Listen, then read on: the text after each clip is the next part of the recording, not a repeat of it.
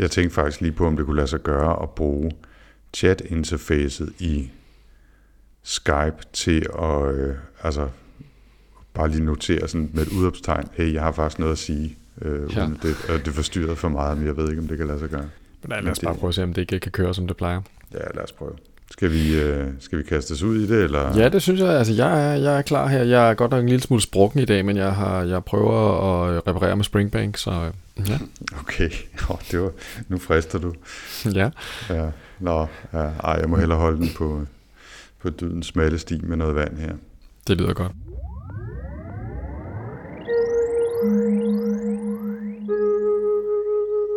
Velkommen til Sci-Fi Snak, Med science fiction, og med snak, med Jens Jarl Poder. og Anders Høgh Nissen. Velkommen til.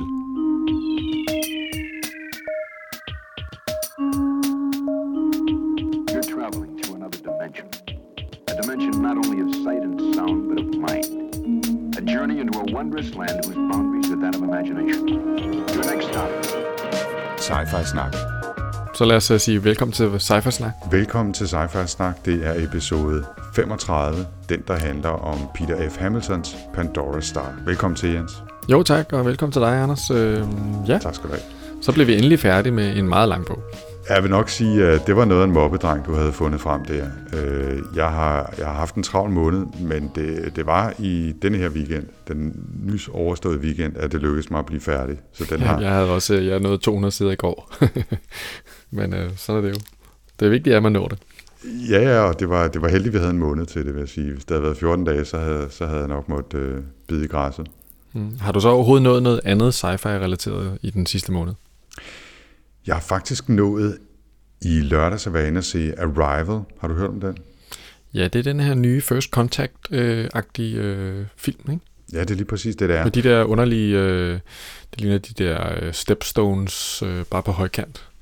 Ja, det, det er ikke helt løgn. Øh, det er netop, som du siger, en first contact film, øh, og den har fået virkelig, virkelig pæn omtale med fra USA, hvor den havde premiere for nogle måneder siden, og jeg har virkelig, virkelig forsøgt ikke at læse noget som helst der om den, men det har været svært at undgå i hvert fald overskrifterne om, at, at den virkelig er blevet vel modtaget. Øh, men jeg havde faktisk ikke hørt noget om det andet, end at jeg vidste, at det var en first contact, og hvis du ikke har set den, og hvis man ikke har set den derude, så har jeg faktisk ikke lyst til heller at fortælle meget mere om den andet, end at jeg også synes, man skal gå ind og se den. Okay, så det, det var en god oplevelse.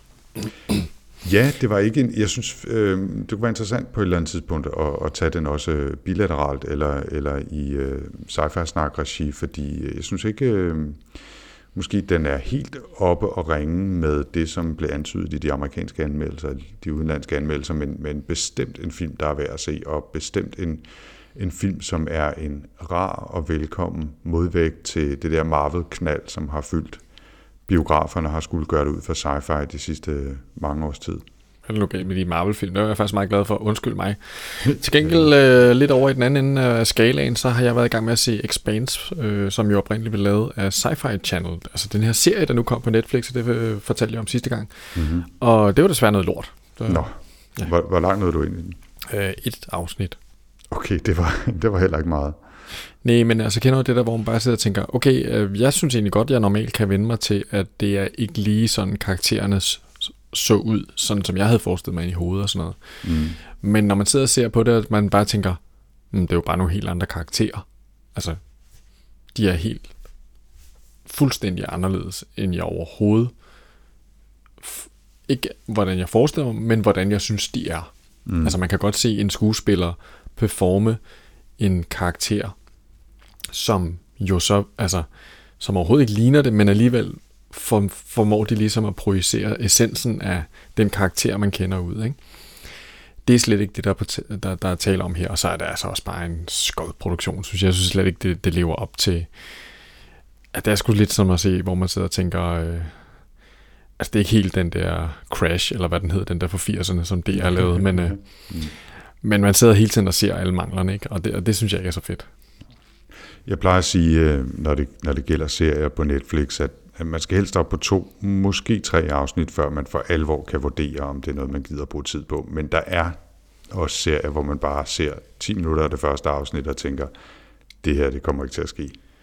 Øh, og, og det lader til, at det her var en af oplevelserne for dig. Jeg har slet ikke været i gang med at kigge på det. Der har været så meget andet, men øh, nu tror jeg, jeg tror heller ikke, jeg kommer så langt.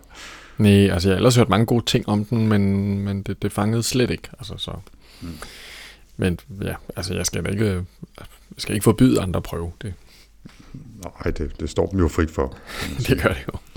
Men her med advaret. Mm, der skulle jo også være på Netflix, uh, apropos Netflix, hvis man abonnerer på det, en serie, der lige er startet, der hedder 3%, som uh, også er sådan noget post-apokalyptisk sci-fi, som der er meget af, men, men den her skulle udmærke sig ved at være uh, en brasiliansk serie, Nå. og altså være sådan lidt et andet end det der sædvanlige amerikanske eller engelske take på sci-fi-genren, og umiddelbart så vil jeg sige, at jeg er ved at være en lille smule træt af post-apokalyptiske, dystopiske, øh, hvad hedder det, survival of the fittest sci-fi, men, øh, men det kunne være interessant at se den her, præcis fordi den så måske kan give noget andet end det sædvanlige amerikanske perspektiv på tingene. Ikke? Mm. Så, så den, øh, den har jeg noteret mig måske til juleferien, om ikke andet. Ja. Mm. Nå, men øh, vi kommer jo ikke ud om det. Der ligger jo 988 sider heroppe midt på bordet og, og skuler af os. Der ligger, øh, altså en af de gange, hvor jeg har været meget glad for, at det var e-bøger, jeg læste, fordi det her øh, ville have været noget af en øh, Lord of the Rings mobbedreng at slæve rundt på. Ja. Jens, øh, øh, det er en bog, som vi havde en lille kort snak, cirka en uges tid efter vi var gået i gang, om at øh, der gik adskillige sider, før vi havde en fornemmelse af, at vi vendte tilbage til nogle af de første personer, der var introduceret. Så mange subplots skulle ligesom lines op. Og, øh, og det, det var også min fornemmelse af, at øh, selvom der, vi trods alt vendte tilbage til nogle af de samme personer løbende, så var der rigtig mange parallelle spor i den her bog. Jeg ved ikke, om det kan lade sig gøre at, at rise bare nogle af dem op, men nu fik du er lov til at vælge bogen, øh, så du får også lov til at, at, at lægge ud med at prøve at opsummere, hvad fanden der foregår på de her knap 1000 sider. Jamen, det skal jeg gerne prøve. Mm-hmm. Øh, det, det er faktisk øh, det, det er egentlig ok optimistisk omkring, og på en eller anden måde kunne give en, et bud på. Og det er jo fuldstændig rigtigt, som du siger. Ikke? Altså, vi har at gøre med en stor, sprudlende, øh, hvad hedder det, space opera øh, roman. Ikke? Altså, øh, vi, vi kan jo lige sætte scenen, om man så må sige. Ikke? Det, det, vi befinder os jo i øh, 2380, og øh, vi er i et, et øh, en, en tid, hvor menneskeheden har opdaget ormehuller. Øh, og, derfor, og dem har man så brugt til at lave sådan et netværk af, hvad hedder det, planeter. Man udforsker simpelthen, øh, man udforsker simpelthen planeter med ormehuller. Mm-hmm. Det synes jeg er ret fantastisk. Der er en, helt, en af mine yndlingsscener i bogen er, hvor at øh, senior øh, planetary udforsker type Oscar Monroe ankommer i den nyeste øh, Lamborghini et eller andet til sit øh, eksploratorium. Og så gennemgår man ellers sådan i detaljen, hvordan han arbejder med at åbne et ormehul op på en planet, som man har kigget på og tænker, der kunne måske være noget der.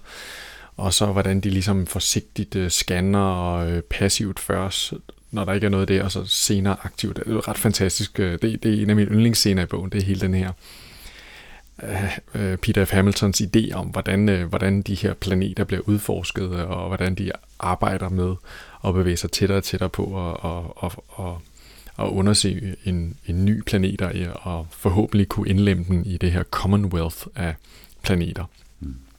Men basically har vi jo at gøre med et, øh, en øh, kultur, øh, hvor at der er en interplanetarisk hvad hedder det, regering, og altså, man ekspanderer jo hele tiden, sådan langsomt og roligt får man nye planeter til, så, øh, så menneskeheden har fantastisk mange muligheder for at bo på alle mulige måder.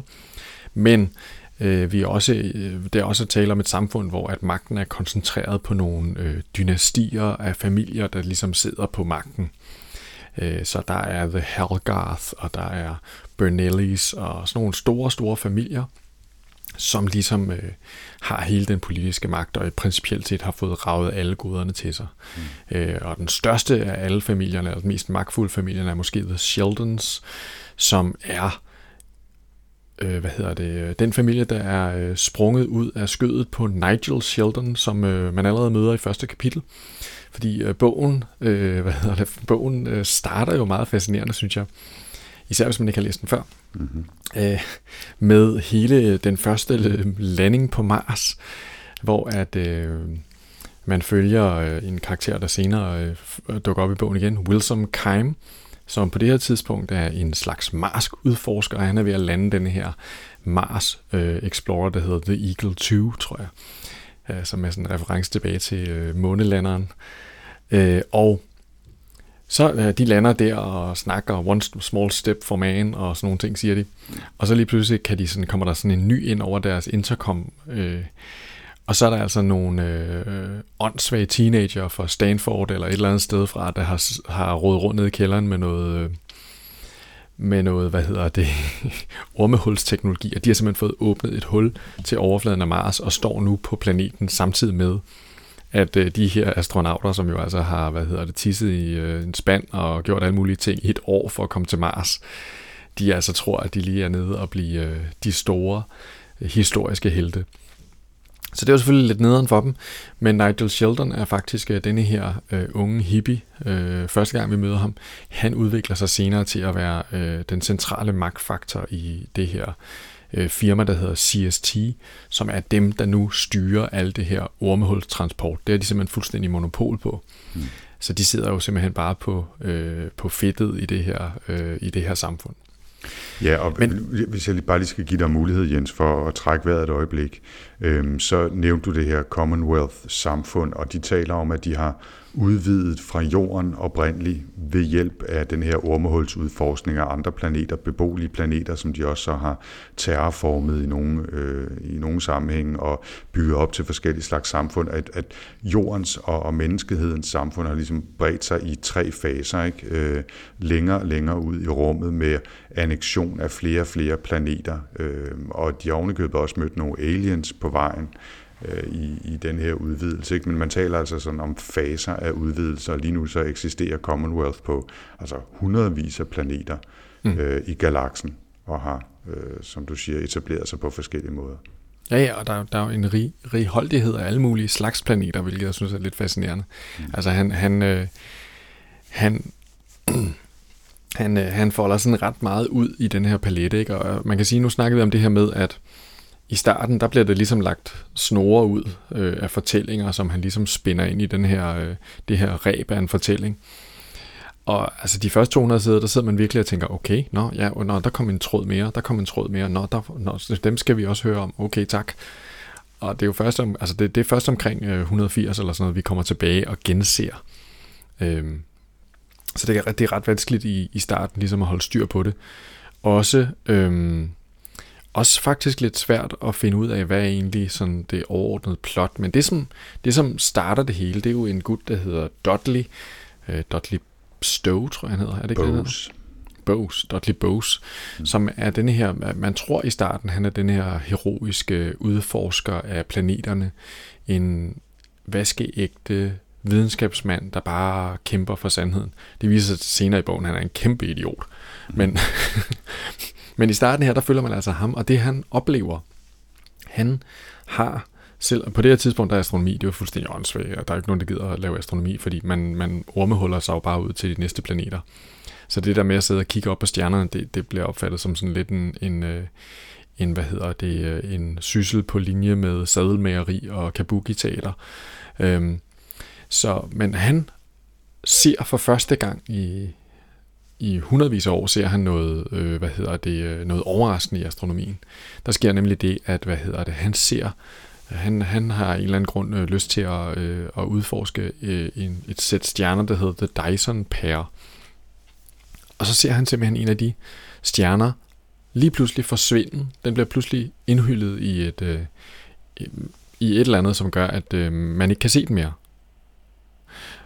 Og øh, det, hvad hedder det, øh, det bliver simpelthen starten på at, at finde ud af, hvad i alverden er det, der er sket derude. Der er altså nogle, nogle stjerner, hvor der er, er et eller andet, der er så farligt, at der er nogen, der har valgt at simpelthen bygge en Dyson Sphere hele vejen rundt om. Og det er jo et begreb, vi har stødt på før, øh, blandt andet i Larry Nivens øh, Ringworld. Altså den her idé om, at hvis man er en tilpas øh, avanceret civilisation, så vil man bygge en, en, hvad hedder det, en Dyson-sfære rundt om hele sin planet, for at, hvad hedder det, sikre sig, eller ikke planet, over hele sit solsystem, for at sikre sig, at man udnytter max de ressourcer, der er i solen. Men det, men det som ligesom er, er, er humlen her, det er, det er at de, han observerer, at lyset fra stjernen forsvinder, mm. men der er ikke nogen medfølgende eksplosion, så det kan ikke være, at den er gået supernova eller noget andet. Mm. Og den eneste mulige konklusion er derfor, at den må være blevet pakket ind på utrolig kort tid øh, er blevet pakket ind i sådan en, en sfære, øh, som blokerer for lyset. Og det bliver man selvfølgelig nødt til at undersøge. Ja, og, det, og det fører sig til, at man gennem en masse, øh, hvad kan man sige, politisk øh, hurlum hej og en masse øh, rejsen af midler, beslutter sig for at bygge et, øh, et rumskib, der skal hedde Second Chance, som, øh, som skal bruge sådan en slags øh, ormehulle-drive. Øh, og derfor kan rejse øh, hvad hedder det, hurtigere end lyset, altså de har udviklet øh, faster than light travel igennem ormehuller, men det er ikke ligesom øh, bare, at de åbner et ormehul et eller andet sted, og så kan de stikke næsen igennem og se, hvad der er på den anden side, hvad der så kan være øh, flere hundrede lysår væk. De udvikler altså det her rumskib, som kontinuerligt kan projicere ormehuller foran sig og flyve dem igennem, og på den måde altså øh, komme meget, meget langt, øh, uden at man skal øh, sove tre generationer eller noget af den stil. Ikke? Mm. Og, og de bygger det her rumskib for at flyve ud og udforske, hvad i alverden er der sket ved, øh, ved, ved de her stjerner. Det viser sig at være to stjerner, uh, The Dyson Pair, ikke? Som, som er blevet lukket inde. Og det er der så nogen, der synes er en dårlig idé, kan man sige. Åh oh ja, det er der. Der man lige skulle snakke lidt om det, fordi øh, det, det er noget der er lidt forvirrende, når man læser den her i starten. Ikke? Det er, der er også øh, sådan en, øh, der, er, der er forskellige plottråde. Ikke? Der er den her plottråd, der handler om at sige, okay, der er, der er Dudley der, og, øh, og Wilson Keim, som er ham her, øh, Marslanderen, der så senere bliver, øh, bliver hvad hedder det, øh, kaptajn på The Second Chance. Det er jo grunden til, at den hedder The Second Chance, det er fordi, det er hans anden chance for at blive en historisk person. Mm. øh, det skal måske lige siges, at, at folk på det, i, det her, øh, i det her samfund, hvis man er rig nok, så kan man betale for en rejuve, som er, at man får sådan en hormonbehandling, og så, øh, så bliver man ligesom ung igen. Ja, det har de altså styr på. Så det vil sige, at, øh, at de her karakterer, de er flere hundrede år gamle. Øh, og, og det der med sådan rigtig at dø, hvis man ligesom har pengene til det, så er det ligesom ikke rigtig noget, man regner for noget mere. Altså man, man planlægger ikke, altså man tror ikke på. Altså hvis man dør, så, så har man også en idé, så, så, så vil man typisk blive genoplevet. Øh, fordi man også har, har øh, folks øh, hukommelser på, på, øh, på lager og sådan noget. Men altså, der er nogen, der ikke øh, synes, det her er en god idé, og det er det, de, det, er det de andre plots, der ligesom er centralt. Det hele, øh, det er sådan nærmest en krimiplot, der handler om øh, The Guardians of Selfhood, som de hedder. Fordi The Guardians of Selfhood, Selfhood det er sådan en, en, øh, en undergrundshær, som tror på, at der findes et væsen, der hedder The Starflyer. Og den her stjerneflyver er sådan et manipulerende øh, The Enemy Within type øh, væsen, som i virkeligheden er ude på at få mennesket til at øh, tage ud og slippe øh, det her, som er ude ved den her stjerne, øh, altså det her Dyson Pair fri, og øh, derigennem øh, ødelægge hele menneskeheden. Så, så der er, altså, de har altså sådan en idé om, at der er en slags sådan manipulerende øh, alien indflydelse over hele menneskeheden igennem den her, øh, den her Starflyer, som påvirker. Og de kæmper altså sådan en kamp for at, og, øh, sådan meget sådan noget øh, øh, hemmelig undergrundskrig mod, at, øh, at man skal sende den her mission i gang, og i det hele taget er de bare øh, hele tiden øh, laver de sabotage mod, øh, mod øh, forskellige Commonwealth-aktiviteter i, øh, i forsøget på at holde den her Starflyers øh, indflydelse nede. Og det er sådan, i starten, når man hører om det, sådan lidt, nå, okay, ja, mm, spændende. Man forstår ikke rigtig, hvad det har med, med plottet at gøre. Og man bruger ret meget Men, tid på at følge en, øh, en kvindelig efterforsker, der hedder Paula Mayo, ja. som, øh, som i øvrigt har en ret spændende baggrund også, men, men hun, har, hun er også blevet rejuvet, altså, og er, er flere hundrede år gammel, øh, og har altså efterforsket Guardians of Selfhood og øhm, et, par, et par centrale skikkelser og deres forbrydelser i århundreder. Øh, mm. Hun løser en, øh, nogle andre forbrydelser ved siden af, men det har ligesom været den store sag, som hun bare aldrig har fået opklaret at hun mm. bliver ved med at, at jage de her øh, øh, par centrale figurer i Guardians of Selfhood. Og, og det er jo virkelig et interessant nok sådan detektivplot i sig selv, når man sådan vender tilbage til nogle sider øh, omkring det løbende øh, cyklisk igennem. Ja, helt klart en af, en af mine yndlings, øh, hvad kan man kalde det, øh, arcs i denne her, det er hele historien med Paul Amayo og ham her Adam Elvin, som er sådan en slags garvet undercover agent type med noget socialistisk baggrund, og, og han, har, han har det helt store kørekort til at køre øh, snedige øh, covert aktioner. Han er altså virkelig, virkelig god til at, at øh, ride sin paranoia øh, helt, øh, helt max, der hvor at han, han virkelig får noget ud af det. Ikke? Altså han er virkelig god til at forudse alle mulige ting. Mm. Og gang på gang, der leger de katten med musen med hinanden, og Adam Elvin, han får altid, han trækker altid det lange strå. Øh, det, det, det, den del af det, synes jeg er ret fascinerende.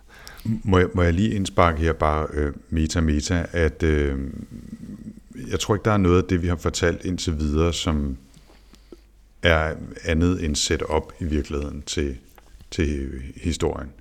Nej. Men jeg fornemmer også, at inden alt for længe, så bevæger vi os ind i noget, som måske er spoileragtigt, og som man måske ikke har lyst til at vide, hvis man vil give sig i kast med den her øh, mobbedreng. Så øh, måske vil jeg anbefale, at hvis man vil det, og ikke vil vide alt for meget om, hvad der kommer til at ske, så er det måske en god idé at pause, og så lige løbe igennem de der 980 sider, og så vende tilbage og høre det sidste af podcasten. Og, og så tryk on pause. Ja. ja, ja, lige præcis. Jeg bliver siddende med hovedtelefoner på, læs bogen, og så øh, tryk på play igen. Ikke? Jo. Godt. Altså så skal man måske lige, før man går i gang med at opmærksom på, at det her det er altså en ægte etter øh, af to. Så øh, når man er færdig med den, bare før vi sender folk i gang. Når man er mm. færdig med den, så vil man ikke have fået, fået oplevelsen af, at man har læst en færdig roman. Nej, det, det, jeg, jeg er glad for, at du bringer det på banen, fordi det var måske en af de ting, der irriterede mig allermest ved den her. Det var at have læst øh, 1000 sider, og så opdage, at det kun var en halv bog. Ja, altså jeg vil sige, da jeg sad øh, og læste færdig i går, der tænkte jeg, der er 20, minu- der er 20 sider tilbage. Hvordan fanden får han snurret alle de her ting sammen? Mm. Det gjorde han så heller ikke. Det han sagde bare, hey, ikke. så øh, er der nogen, der falder ud over et vandfald, og du kan læse næste bog. Værsgo. Ja, lige præcis. Det var lidt irriterende. Men jeg er så gået i gang med nummer to, så øh, ja. Ja, ellers er måske også lige værd at nævne, at vi har, øh, vi har nogle alien-raser. Øh, altså, der er jo blandt andet dem, der hedder The Sylphen, som er sådan nogle øh, elveragtige nogen. Mm. Som, øh, det er jo i virkeligheden virker som om, det næsten er den mest avancerede race af alle. Men dem, man møder, det er sådan nogle lidt sådan hippieagtige øh, elver-skikkelser, som taler i toger og holder fester. Og... Ja, det, det virker meget som om, at det, jeg forestiller mig lidt sådan nogle lidt... Øh, en krydsning mellem elver og så øh, Chewbacca-agtige skikkelser, øh, som render omkring og taler i tunger og virker som om, at de bare lige har været ude at fyre den fedeste spliff. Altså. Ja. Øh, og det er lykkedes har... mennesker og, og sylphen aliens at tale med hinanden, men Øh, det er ikke fordi, man har fornemmelsen af, at der er øh, det store meeting of minds, fordi de er så tåget, de her Sylphen. Øh, så halvdelen af tiden, når man snakker med dem, så får man lidt sådan nogle orakelsvar, som man ikke rigtig ved, man kan bruge til noget. Ikke? Mm.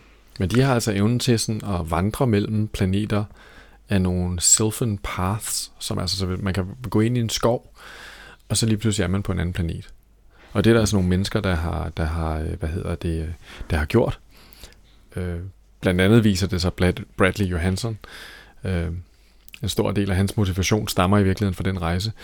Øh, men øh, hvad hedder det? Nu Nigel her, øh, Nigel Sheldon, som var den ene af de her to, der åbnede øh, ormehuller. Den anden er jo en anden karakter. Øh, vi har at gøre med en, øh, en mulat med store afro, øh, hvad hedder det, øh, øh med stort afro dreadlock hår nemlig Ossi, som er sådan ligesom den, øh, den vilde af de to, og han er stadigvæk sådan, øh, han, han bevarer stadigvæk sin kontakt med sin hippie-fortid, mm-hmm. og, øh, og er sådan lidt uden for øh, pædagogisk rækkevidde, og, og sådan en øh, lidt øh, enfant terrible i det her, øh, i det her store øh, spil om, om øh, et øh, om det her ormehul firma. Altså han er jo halvdelen af det her store firma. Mm. Så han er ret rig. Øh, og han, øh, han bor ellers øh, normalt på en, øh, en asteroide, han selv har øh, udhulet, øh, og har sit eget personlige øh, ormehul ind i, og alle mulige smarte ting. Mm-hmm. Men øh, en af hans, øh, en af de, øh, centrale historier, øh, selvom den overhovedet ikke bliver knyttet til noget i selve denne her roman. Øh, det er altså hans rejse af de her Sylvan Paths sammen med en ung dreng, der hedder Orion. Det er også, øh, det er også en af de ting, man skal, man skal igennem for øh, at komme til slutningen i den her. Ja. Og så, og så den, den øh, sidste meget væsentlige alien-race, som det nok er nødvendigt at nævne her, det er den, de finder, da de tager ud på øh, med, med Second Chance tager ud til, øh, til Dyson-paret af stjerner her, der er koblet ind i den her store sfære, og øh, vi finder ud af, at den race, der hører hjemme på de øh, planeter, der hører til de stjerner, det er en meget speciel race, som bliver kaldt for primes. Mm. Og, øh, og det er en virkelig ægte hive mind. Altså de kan, øh, det er individuelle øh, væsener, kan man sige, men de kan koble sig hinanden med nogle, til, til hinanden med direkte nerveforbindelser, og øh, så bliver de styret af det, der, der kalder immotiles, altså øh, øh virkeligheden ubevægelige enheder, som via nerveforbindelser og mobile enheder, eller motiles, kan styre en, en kæmpestor flok. Så det er ligesom sådan en fælles hjerne, men, men drevet af en, en lille gruppe af de her immotiles, som, som er en slags hovedneuroner i, i den her fælles hjerne, kan man sige.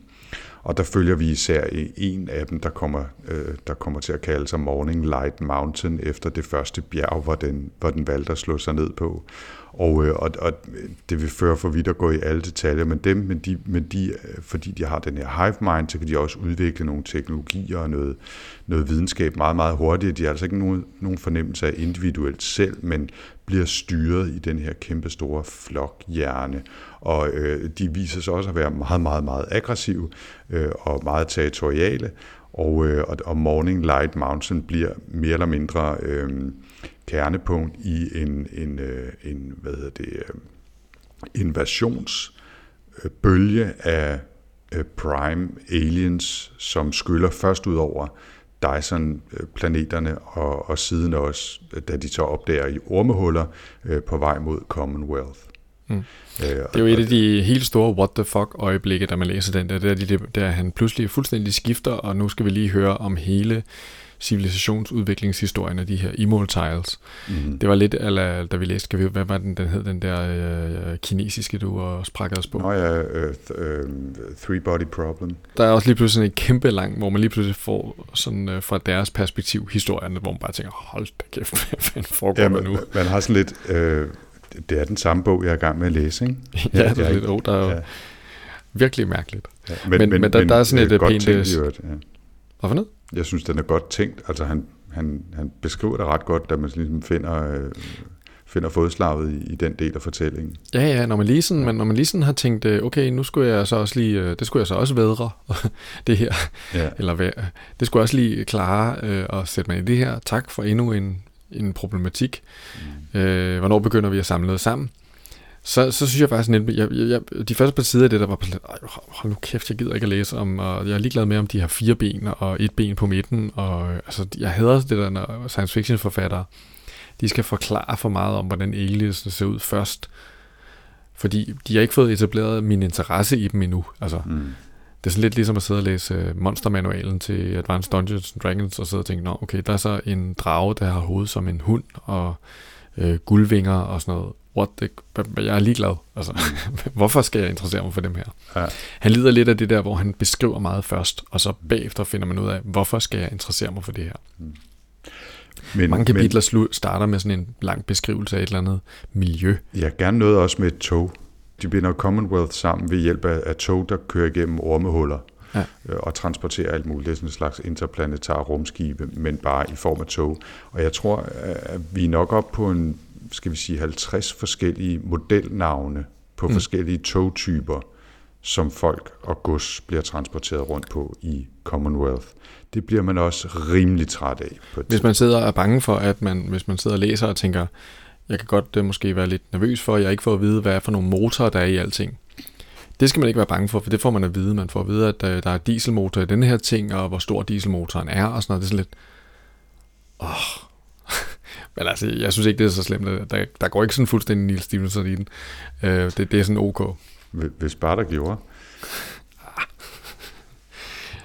Øhm, ja, øh, og hvad fanden var vi egentlig, vi var henne med fortællingen her? Vi Jeg, jeg tror med faktisk lige, vi var, at, at der hvor jeg tænkte, nu har vi sådan afrundet de, de store overordnede plots, så måske skulle vi kaste os lidt ud i at snakke om teknologier, karakterer, univers og sådan noget.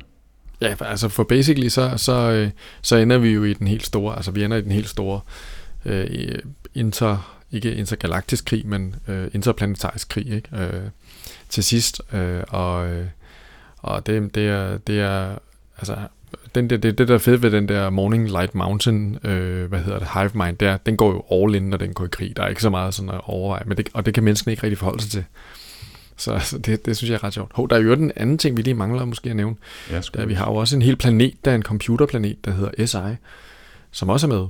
Nå ja, Øh, så øh, der er øh, et lille kip måske til William Gibson. Øh, på et tidspunkt, så, øh, så blev det lidt for farligt med de her computer, der blev intelligente af sig selv. Øh, så man har ligesom fået... Øh, alle de intelligente computere har man ligesom fået på en eller anden måde bygget en planet til. Øh, det er jo også noget, som øh, Ozzy og Nigel Sheldon har stået for. Øh, og den her planet, den er sådan set nu mere eller mindre selvforsynende med alting, øh, og lever sådan set sit eget computerliv. Og, øh, og så kan den måske godt lige bruge 2-3% af sin øh, kapacitet på at holde lidt øje med, hvad der foregår ude i den virkelige verden. Det synes jeg er ret skønt. Men Ja. ellers så er det jo en, altså, øh, bare lige med karaktererne, altså vi har nævnt et par af dem, like Nigel Sheldon og Ozzy og Paula Meyer og Wilson Kime, og, og der er en, en hel række af karakterer med. Faktisk så øh, fandt jeg sådan en wiki øh, for fans af Peter Hamilton, hvor der var opregnet karaktererne i, i det, der så sammenlagt hedder Commonwealth-sagaen.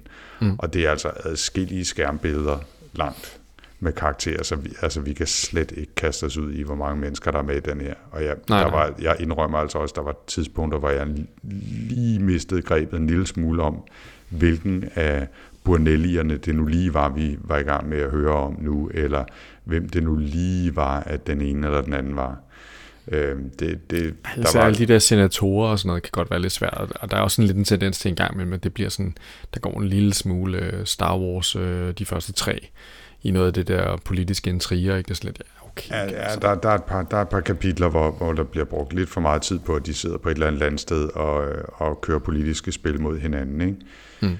Øhm, men, men så, så, og det, i virkeligheden så er der sådan lidt en fornemmelse af, at det er en, øh, sådan en ensemble piece på den måde, at selvom der er personer, som er centrale, der er ikke rigtig nogen, som man følger i en grad, som man identificerer sig med dem. Altså, det er, det er virkelig et kæmpestort skakspil med en hel masse brikker, som man følger, uden Ja. rigtig, i hvert fald, øh, det var min oplevelse, uden rigtig at, at holde med nogle af dem, eller føle, at der er nogen, der ligesom er den primære karakter, eller håndfuld af karakterer. Øhm, Så det var i hvert fald min fornemmelse, ikke? at det er virkelig bare en stor bunke øh, mennesker, som, som er med i en historie. Ikke? Jo, men han er også slem, han er også slem til, hvad hedder det, og, og ligesom twiste en gang imellem, ikke? Altså man, for eksempel første gang man møder Paula Mayo, der er, det, øh, der er det ikke med hende som hovedkarakter, der er hun øh, biperson i nogle andres oplevelse af en, øh, af en øh, kriminalsag, ikke? Mm. Og der blev hun jo beskrevet udefra. Mm. Øh, men men siden, sidenhen er hun jo en af de karakterer, som man i hvert fald, altså, som jeg, mens jeg læste den, jo fatter sympati med, ikke? Mm. Øh, selvom hun jo er meget speciel og, og, og genetisk modificeret til at være en, en lidt kold skid. Ikke? Mm. Øh, på samme måde også i første gang man møder ham, jamen der møder man ham også udefra, og så skifter man til ligesom at følge ham som en, en karakter øh, indenfra. Ikke? Mm. Ja, det, det, det, der, det gør han en del, det der med sådan ligesom at, at skifte perspektivet. Øh, jeg synes egentlig, det fungerer meget godt, synes jeg. Jeg kan godt lide det der. Der er også nogle gange, hvor man får øh, den samme scene fra flere perspektiver. Mm. Og så sidder man og tænker, nå, nå, jeg er faktisk bare øh, smuttet tilbage i tiden, og nu genoplever jeg det samme fra et andet perspektiv. Det synes jeg er ret sjovt. Jamen det, er- det er egentlig heller ikke, fordi jeg ikke synes, at, øh, at måden at fortælle på fungerer. Det er mere bare øh, specielt at opleve, at det i virkeligheden er universet, han fortæller en historie om. Ikke? Altså øh, romanens univers, ikke? Snarere Jo. jo. end det er nogle personer, som vi følger. Øhm, Og men det er jo lige, altså sammenligningen med Lord of the Rings eller Game of Thrones eller sådan noget, er jo meget god, ikke? Fordi det er det der, hvor du virkelig har en bredde og en dybde i alting, ikke? Og der er plads til mange forskellige parallelle fortællinger, og du skifter hele tiden mellem dem, ikke? mm. Det er jo sådan, øh, det er den slags. Det eneste, der er gode ved det her, det kan man sige, det er, at denne her, i modsætning til Game of Thrones, så øh, er der kun to bøger, og jeg har i hvert fald en stærk øh, forventning om, at når jeg er færdig med Judas Unchained her, så er jeg færdig. Og så, så ved du, hvad det var, der skete. ja. Mm. Øh, send, send, en, send et tweet, når du er færdig. det skal jeg Øhm, nok. Men, men, men når jeg nu siger det her med, at det er i virkeligheden universet, der er hovedpersonen, eller altså øh, ja, Commonwealth, øh, der er hovedpersonen i det her, så, så, så synes jeg, det er, det er rigtigt. Og, og den anden hovedperson er måske, nu nævnte vi før, øh, alle togmodellerne og hvad for nogle motorer, der sidder i lokomotiverne og sådan noget.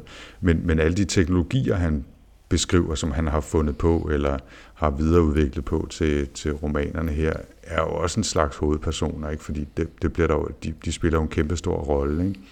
Og, og, og vi nævnte hele hans beskrivelse af, hvordan øh, Prime Alien-rasen udvikler sig, og udvikler deres teknologier og deres øh, samfund, eller hvad man skal kalde det, øh, spiller jo også en hovedrolle. Altså det, øh, det bruger han meget tid og meget energi på. Ikke?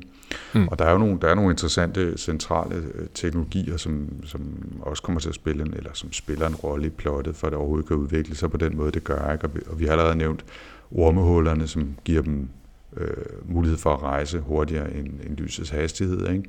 Øhm, så er der de her AI's eller SI's, altså super, super øh, smarte computere, som kan hjælpe med alle mulige ting, både, både de der sådan lidt bag kulisserne, nu driver vi verden, øh, og også en gang imellem fungerer som rådgiver.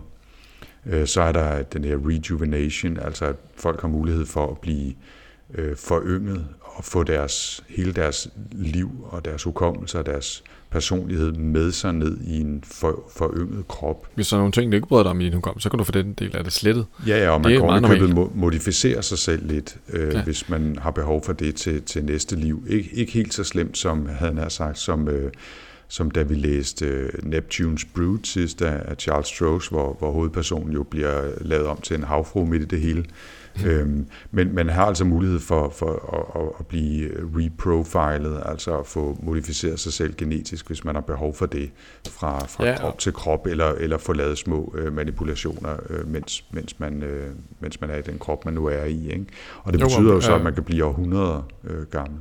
Ja, altså reprofiling er en anden ting, ikke? Altså, øh, der er, altså, det er jo me- mega praktisk, når man er medlem af Guardians of Selfhood for eksempel, at man kan simpelthen få lavet sit, øh, sit udseende om. Mm. Øh, det synes jeg er meget elegant. At, øh, eller det er jo meget praktisk, at øh, det, det er simpelthen også en ting, sådan, øh, på øh, en af de første, hvad hedder det, konfrontationer mellem Adam Elvin og øh, Paul Amayo, så der får han jo lige øh, selvfølgelig i sidste øjeblik får han lige øh, snedet sig ud af, af lykken der, og så er det ellers bare hjem på sit hotel og blive reprofilet, og så en måned senere går han ud af sit hotelværelse fuldstændig anderledes, ikke? Og, så, og så, har, så er alle spor af ham bare væk.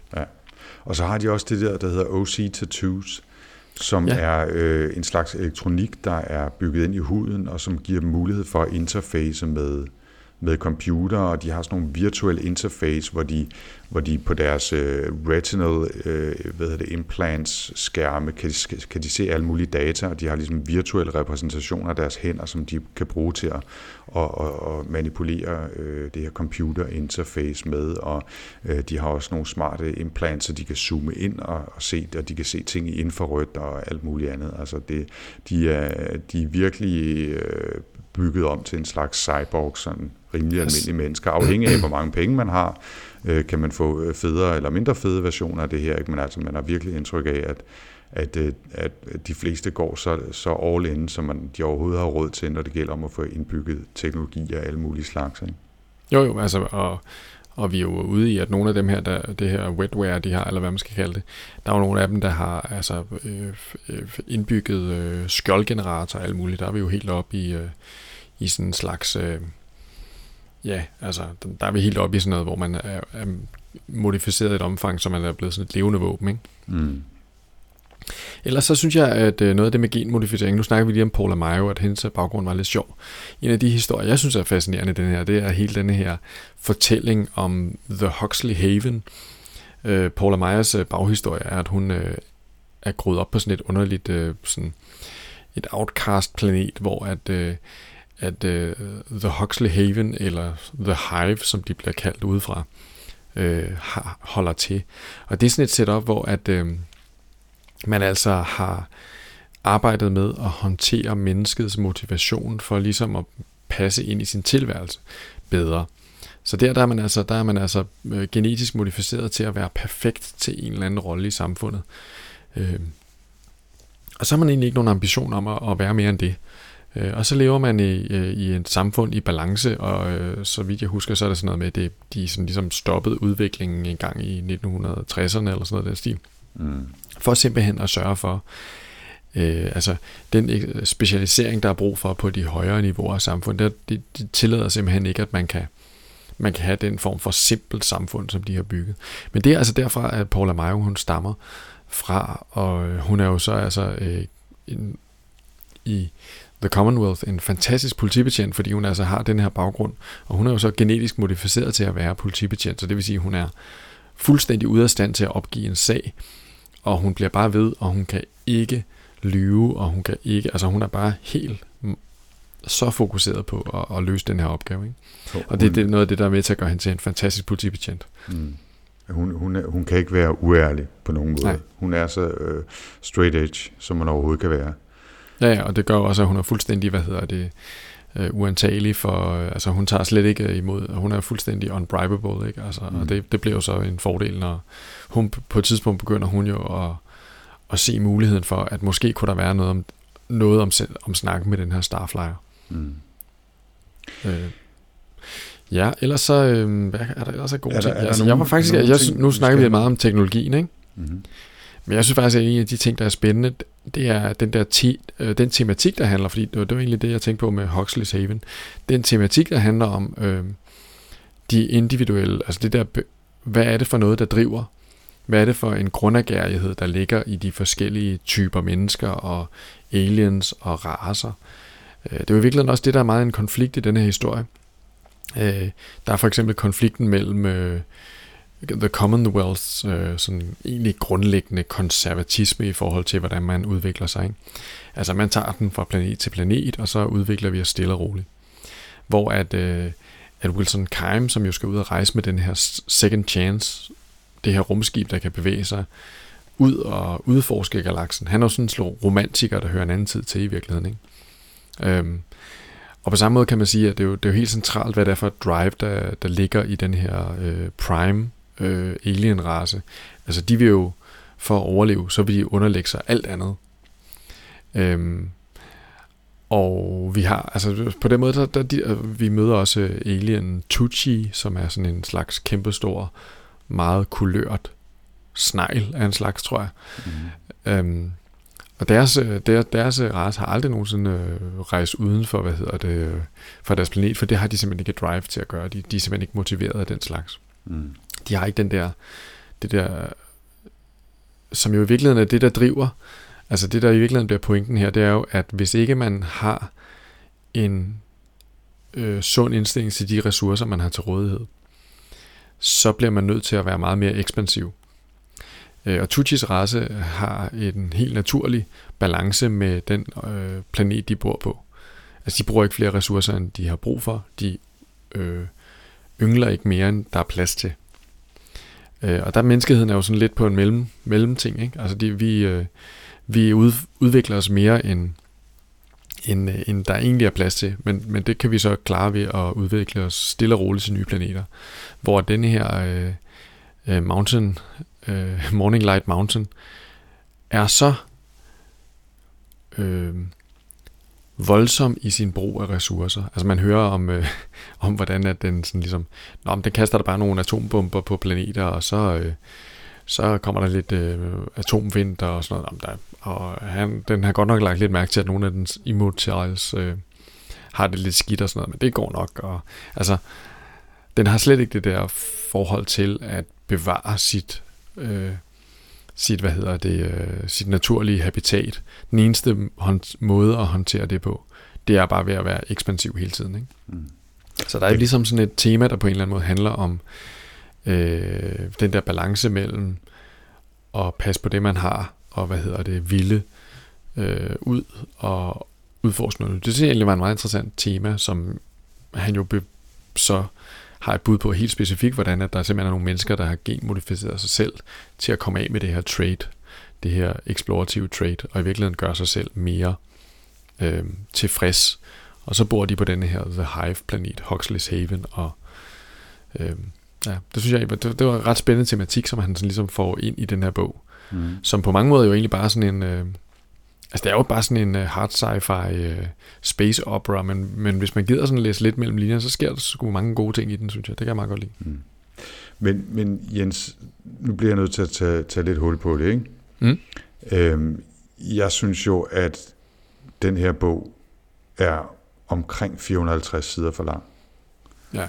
Øh, det kan godt være, at han kan finde på en helvedes masse ting, men der burde et eller andet sted have siddet en redaktør og sagt, det er fint nok, så skriv du nogle flere bøger om noget andet, hvis du har så mange ting inde i hovedet, og du ikke kan finde ud af at, at holde dem væk fra papiret. Den er alt, alt, alt for lang, og der er alt for mange parallelle historier øh, til, at jeg overhovedet gider følge med.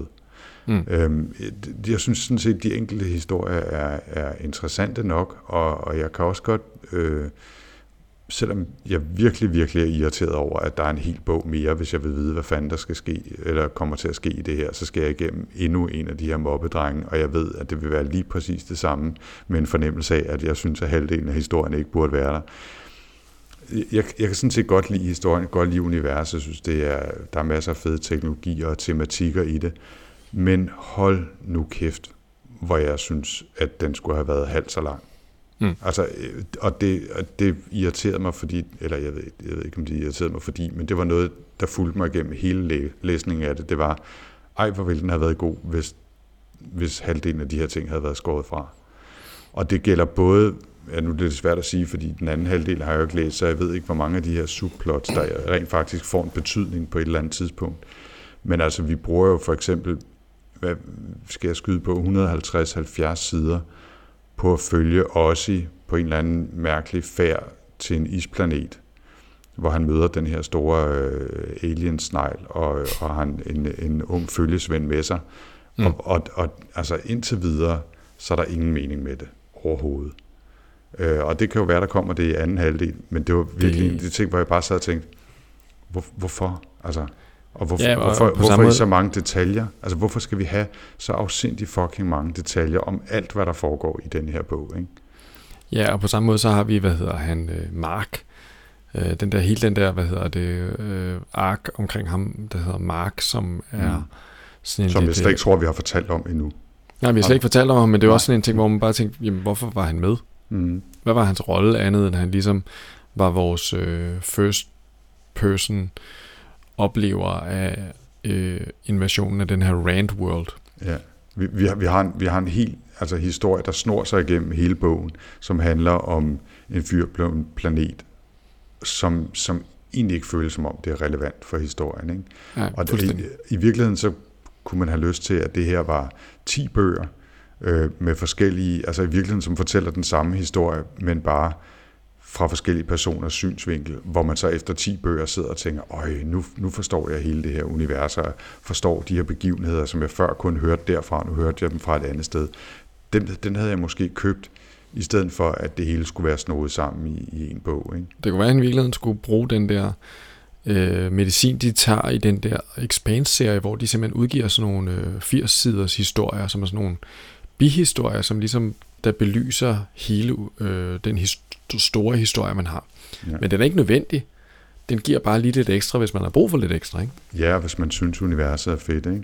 Mm. Nu har du nævnt uh, Ringenes Herre et par gange, og, og, og det er jo en, en, en bog, som, eller en, en trilogi, som, som jeg har et, et uh, nært og, og selvfølgelig også nostalgisk forhold til, så det er meget svært for mig at være objektiv omkring det, men jeg kan jo virkelig, virkelig godt lide den. Ikke?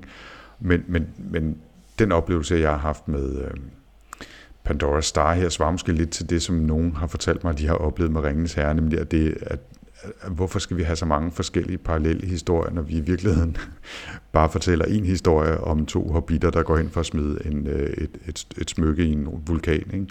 Jo. Øhm, hvorfor, hvorfor skal vi høre alt det andet? Og jeg synes jo, det er fedt, fordi jeg synes, den er kan man sige, mere tight, øh, og, og, og også fordi det er et fedt univers, og de andre historier er, er spændende. Og så er der altså også bare færre historier, og vi bruger mere tid med de enkelte karakterer i de øh, tre-fire parallelle for, fortællinger, der er i den, synes jeg. Ikke? Men der er noget af det samme i den. Altså, jeg vil sige, hvis man ikke kunne lide den opbygning af Ringenes Herre, så tror jeg heller ikke, man skal kaste sig ud i den her. Nej, for man kan også sige, at det der er problemet med den her, det er, at den starter øh, ikke samlet. Og der bliver ikke rigtig samlet noget undervejs, vel? Altså, mm-hmm. Ringnes her har i det mindste den der opbygning, hvor vi siger, at vi har et party, der på en eller anden måde starter sammen, og så bliver de spredt for alle vinde. Og så er jeg måske interesseret i at finde det. Og det, det, er, lidt, det, det er sådan lidt, det er meget atypisk, synes jeg, at normalt, når man har sådan en, en det er jo også, du har, hvad hedder det, hvis du tager Game of Thrones, som jeg godt ved, du ikke har læst, men, mm. eller set. Mm. Men øh, altså, den starter jo også, der alle de her Starks, de er samlet. Og så bliver de spredt for alle vinde over alle mulige forskellige lande, og øh, nogle af dem bliver slået ihjel, og der sker ting. Men men man har ligesom et eller andet udgangspunkt, som man kigger tilbage imod og siger, jamen der var på et tidspunkt, hvor det her hang sammen. Så måske kommer det til at hænge sammen igen.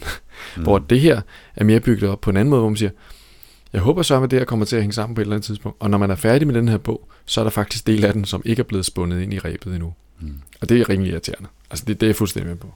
Og så, og så er det jo, nu er det jo igen lidt svært, fordi det er jo virkelig en halv bog, vi har læst og, mm. og anmelder her, så, så det kan jo være, at du finder ud af, at der er nogle ting, der bliver bundet sløjfe på på et eller andet tidspunkt, men, men det irriterer mig også lidt med den her, at, at, at der er så meget fed teknologi i den, og, og øh, køber man ligesom, at de har opfundet ormehuller og kan tæmme den på en måde, så de bliver portaler, som de både kan sende fragtog øh, igennem og, og rejse igennem og så videre, jamen så, øh, så synes jeg faktisk, det er en fed og rimelig hard, hard sci-fi verden, øh, som, hvor der er en masse spændende teknologi, som sagt. Og så er der altså nogle sådan lidt fantastiske øh, elementer i det, øh, især med Ossis færden på, på de her Sylvan Paths mellem forskellige øh, Øh, planeter, som måske og måske ikke eksisterer i et eller andet kendt univers, hvor jeg også bare sidder og tænker lidt, hvorfor, hvorfor er det lige, vi skal have blandet det ind i den? Og det kan være, der kommer en eller anden krølle på det, der, der gør, at det giver mening på et eller andet tidspunkt, det skal jeg ikke kunne sige. Men i den første halvdel af bogen, de første tusind sider af den her bog, øh, der, øh, der synes jeg ikke, det giver mening, og jeg synes, det, det føles som om, at det er et, er, som om han er i gang med at skrive en, en helt anden fantasy-roman et eller andet sted. ja. øhm, og og det, det irriterer mig lidt, når, når nu det er så tæt på at være noget rimelig hardcore sci-fi. Ikke? Og, altså jeg forestiller mig, at det der Sylphen noget, det er noget teknologi, der er så avanceret, at det bare ikke kan, kan, kan hvad hedder det, øh, skilnes fra magi. Ja, lad os, lad os, øh, jeg skulle lige sige, lad os håbe, det er det, fordi øh, ellers så synes jeg, det er endnu mere mærkeligt, at der ikke er en redaktør, der har bedt ham om at og, øh, og slette de kapitler. Ikke? Jo. Men jeg, jeg endte med at give den tre stjerner af årsager, som måske er fremgået. Øh, jeg synes, det er, det er et super spændende univers, og jeg kan rigtig godt lide mange af elementerne i det, og jeg kan sådan set også godt, altså, jeg kan også godt købe nogle af de der sådan lidt politiske spil, kan være spændende som en, en modvægt til den intergalaktiske udfordring, eller interplanetariske udfordring øh, osv., men, men der er bare for meget af det hele øh, til at, øh, og, og jeg sad simpelthen og var irriteret for meget under læsning af den her, og derfor havner den altså på, på tre stjerner for mig. Jeg er ind på fire stjerner. Og jeg, jeg har, jeg vil sige, jeg har købt, øh, jeg, jeg var sgu ret egentlig godt tilfreds, da jeg sluttede, men, men jeg synes, at øh, der, den har en steep learning curve, øh, som mm. man siger, mm. en ting mellem dansk og engelsk. Mm-hmm. Jeg synes, den, hvad hedder det, øh, den var godt nok tung at komme i gang med. Men så da det begyndte at rulle, ikke, så var jeg stedet på på, øh, på toget gennem orvehullet, og så, så kørte det egentlig for mig. Også, altså, jeg begynder, altså, i starten, der er man jo totalt ligeglad med, hvad hedder de der karakterer, fordi de skifter så hurtigt, ikke? og hvorfor skal man interessere sig for hende der, Judith Burnelli, øh, og hvorfor skal man lære ham der Gore Burnelli at kende, som er sådan en underlig, som er sådan en af de der helt store oligarker med, han har sådan noget, han har så mange octatus, at hans hud er helt guldfarvet. Mm. Ja. Øhm, så på det tidspunkt, altså, der, der er jo undervejs, hvor man bare tænker, oh, hvorfor, skal jeg, hvorfor skal jeg lære alle de her karakterer at kende? Men, men til, da der var noget igennem historien, der begyndte jeg jo så at, hvad hedder det, synes, at det var skidespændende med den her Starflyer, og øh, ej, hvordan må det hele hænge sammen, og ej, Paula Mayo, de må ikke fyre hende, og altså, der begyndte mm. jeg sådan at, at virkelig øh, at være fascineret af dem, ikke? Og, og det var da ikke være noget, at jeg, jeg nåede lige at give den en kar- min karakter på Goodreads, øh, så, så downloadede jeg toren for at komme videre med den. Mm. Så på den måde, så må jeg sige, altså jeg synes også, den er for lang, og jeg synes, det var irriterende at opdage, at, at den ikke sluttede sådan rigtigt. Øhm, men jeg synes, det, jeg, jeg synes, det var et solidt stykke hard sci-fi, og jeg synes, den gør nogle ting, som... Altså, jeg, jeg, jeg er også mere... Jeg, er også, jeg har været glad for at læse Game of Thrones, og The Name of the Wind, og øh, Ringnes Herre. Jeg kan godt øh, de der store ting, øh, det kan jeg godt lide. Øh, altså, så længe det ikke bliver øh, det er helt umuligt, altså, øh, så, så, så, kan jeg, så kan jeg sådan leve med meget, men, men ja, altså, jeg synes, sgu, øh, jeg synes, der var nogle gode ting i, især da, da de ligesom fik øh, hævet den der force field ned, og det begyndte at rulle lidt der, så synes jeg, det blev rigtig spændende. Jeg, jeg vil også sige, at øh, nu har den kun fået tre, og det er, mm, det er måske også, har jeg trukket den lidt ned i forhold til, hvad jeg rent faktisk følte øh, af, af underholdning, da jeg læste den, fordi jeg synes egentlig, den er, at den er ganske veloplagt på mange måder, fascinerende på mange måder, ikke? men øh, Øh, jeg har så ikke, heller ikke kastet mig ud i, i toeren direkte, men jeg, jeg går der lidt sådan og lurer på, om, øh, om man i juleferien her eller i januar, hvor jeg, hvor jeg holder nogle dage fri, skulle, skulle kaste over toeren, og så satse på, at jeg kan komme lidt hurtigere igennem den, end, øh, end at bruge en hel måned på den, fordi det har været en travl måned. Ikke? Øh, så det har det måske øh, også ødelagt lidt af oplevelsen, at, at der har været meget få tidspunkter, hvor jeg følte, at jeg kunne, kunne læse løs på den i, i tre timer i træk og, og tage nogle ordentlige bidder. Ikke? Det har sådan lidt været, været små bidder løbende, og så, så føles det altså som ret lang tid at være i selskab med den her bog. Ikke? Så, så det kan være, at jeg kaster mig over toeren på et tidspunkt. Det er sådan en bog, der egner sig rigtig godt, hvis man, er, hvis man har god tid. Ikke? Og jeg havde, øh, jeg lyttede den på lydbog. Der er jo en fantastisk lydbog på, øh, på Audible. Af den samme forfatter jo, der har, hvad hedder det, øh,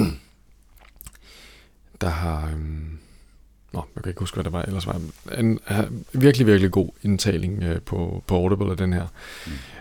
Den er rigtig, rigtig fed. Okay. Øhm, så jeg gik, jeg gik sådan en hel dag, hvor jeg gik bare og arbejdede herhjemme, og så gik jeg bare og lyttede, og det, det, var, det, det hjalp rigtig meget, synes jeg. Mm. Men det er rigtigt, man skal ikke, det er ikke sådan en, man lige snupper 10 sider af, og så kommer man tilbage og tænker, hvad fanden var det her for nogle karakterer? Jeg kan ikke huske, hvad det er. Jeg tror, det er en god, en god sommerferiebog, ikke? eller juleferiebog, øh, måske mere. Jo, jo. Relevant i den her sammenhæng. Ikke? Mm. Ja, men øh, ja, vi, vi må se. Jeg, jeg skal lige have overvejet, om du skal fortælle mig, øh, hvad der sker, når du er færdig med toren, eller om jeg selv skal kaste mig over den her i, i juleferien. Det finder jeg ud af. Ja. Hvad skal vi? Men altså, det er jo ikke det næste, vi skal læse i hvert fald. Nej, det er det ikke. Jeg har, øh, jeg har fundet på noget, vi skal læse til næste gang. Hmm? Og øh, der er lige sådan en lille loop tilbage til begyndelsen af denne her podcast. Jeg var jo inde og se Arrival i, øh, i lørdags, science fiction filmen Arrival. Mm. Og historien bag den film er skrevet af en forfatter, der hedder Ted Chiang. Mm. Og øh, han er jo en, som vi også snakkede om sidst, fordi i vores Goodreads-gruppe, Ja, der, der er gruppepres på for at læse noget af ham. Der er nemlig gruppepres på, for at vi skal læse noget af ham. Og øh, jeg synes lige pludselig, at der var en synkronicitetsoplevelse her, som gjorde, at øh, jeg faktisk har valgt, at vi skal læse hans øh, novellesamling, i mangler bedre ord, som hedder Stories of Your Life and Others, som er en samling af historier, inklusiv historien, som altså er blevet brugt som baggrund for filmen Arrival. Og, øh, og så tænker jeg faktisk lidt, at vi skulle gøre noget lidt anderledes næste gang, nemlig at øh, din opgave, should you choose to accept it, er at øh, både læse historien bag Arrival og se filmen Arrival. Og så tager vi simpelthen sådan en ordentlig gruppe snak om både filmen uh, Stories of Your Life, historien, og så uh, de andre historier i samlingen her. Okay. Hvad, siger du, hvad siger du til det? Ja, det er jeg fuldstændig med på. Jeg, vil, jeg skal da klart ind og se den der film. Det, det ser spændende ud med de der massagesten, der flyver op i luften, og hende rødhåret og alt muligt. Jeg er ja. helt frisk. Mm. Så det, det lyder rigtig fint. Det, det glæder mig ja. til. Øh, også godt at komme i gang med nogle noveller igen. Altså, Øh, men altså, det er jo ikke, vi har jo ikke lavet sådan en dobbelt med film og, og bog, siden vi læste uh, World War C, som det er way back when. Præcis, det er længe siden, det er mange episoder ja, siden. Altså. Jeg, jeg, jeg er spændt på den her, og, øh, og er spændt på, og når jeg kan jo også lige tease, at øh, at øh, hvis vi vil lægge rigtig meget gruppepres på os selv i forhold til at, at snakke om Arrival og historien bag og Ted Chiang og så videre, så er Incomparable podcasten, deres øh, seneste eller forrige øh, afsnit handlede faktisk om Arrival. Og, øh, og de er jo altså i en virkelig, virkelig tung vægtklasse, når det gælder podcast og sci-fi nørderi og, og den slags ting. Og det er også en, et, et glimrende afsnit om filmen. Men altså igen noget, man ikke skal høre, før man har set filmen eller læst bogen. Og jeg vil næsten også anbefale, at man venter med den til efter vi har lavet vores næste sci-fi snak om, øh, om det. Og så kan man altid høre deres take på det bagefter. Jeg skal i hvert fald ikke lytte det før, fordi så, så, så bliver det svært at danse sin egen holdning. Jeg synes, Jamen, de det, er, virkelig- det er en, en stor spoilercast, der snakker om det, så, så Okay. den skal man holde sig fra. Yes, nå, men vi skal i gang med en novellesamling. Det, skal ved, ved du, hvor mange, sider, hvor, uh, hvor mange sider er der på øh, pensum i denne her måned så? Hele samlingen er 300 sider, men den novelle, som hedder Stories of Your Life, som, som er bag Arrival-filmen, er på omkring 70 sider, tror jeg. Okay. Så Så, det 300 er- sider, det, det vil sige, at jeg kan faktisk starte to dage før, ligesom jeg gør her. Noget af den stil, ja. Ja, okay. ja. Altså, da det, var, da det var fredag, der tror jeg stadig, jeg manglede 400 sider af den her. ja jeg, jeg tog også en ordentlig mundfuld her i weekenden. Det gør jeg. Yes, Nå, men det glæder mig meget til, Anders. Øh, Det gør jeg og også, ellers så, øhm, ja, og der hvor vi sidder og snakker og, får, og bliver gruppepræseret på, hvad hedder det, det er jo inde på øh, Goodreads, hvor vi har en gruppe, der hedder Sci-Fi Snak, og der er man jo altså velkommen til at komme med sine holdninger. Øh, der er også nogen, der har efterspurgt øh, Takeshi Kovacs øh, bøgerne, øh, den der Altered Carbon. Mm. Øh, det, det kunne også være noget engang. Jeg sad faktisk og Og- tænkte, den har vi da læst, har vi ikke? Men, men det, det havde vi faktisk ikke læst. Det har vi ikke. Den har bare stået på min øh, wishlist i, i meget lang tid efterhånden, så jeg føler næsten, at jeg har læst den, men, men, øh, men den, den er også noteret. Mm. Og udover vores øh, gruppe på Goodreads, så kan man også gå ind på sci hvor man kan finde tidligere episoder også, og også skrive kommentarer til, øh, til de enkelte episoder, eller skrive til os her på, øh, på redaktionen, skulle jeg lige til at sige. Ja. Og øh, derudover så er der vel ikke så meget at sige. Andet end øh, glædelig jul Ja, og på genhør. i det nye år. Tak for den gang, Anders. Ha' det Selv godt, ikke? tak. Ha' det godt.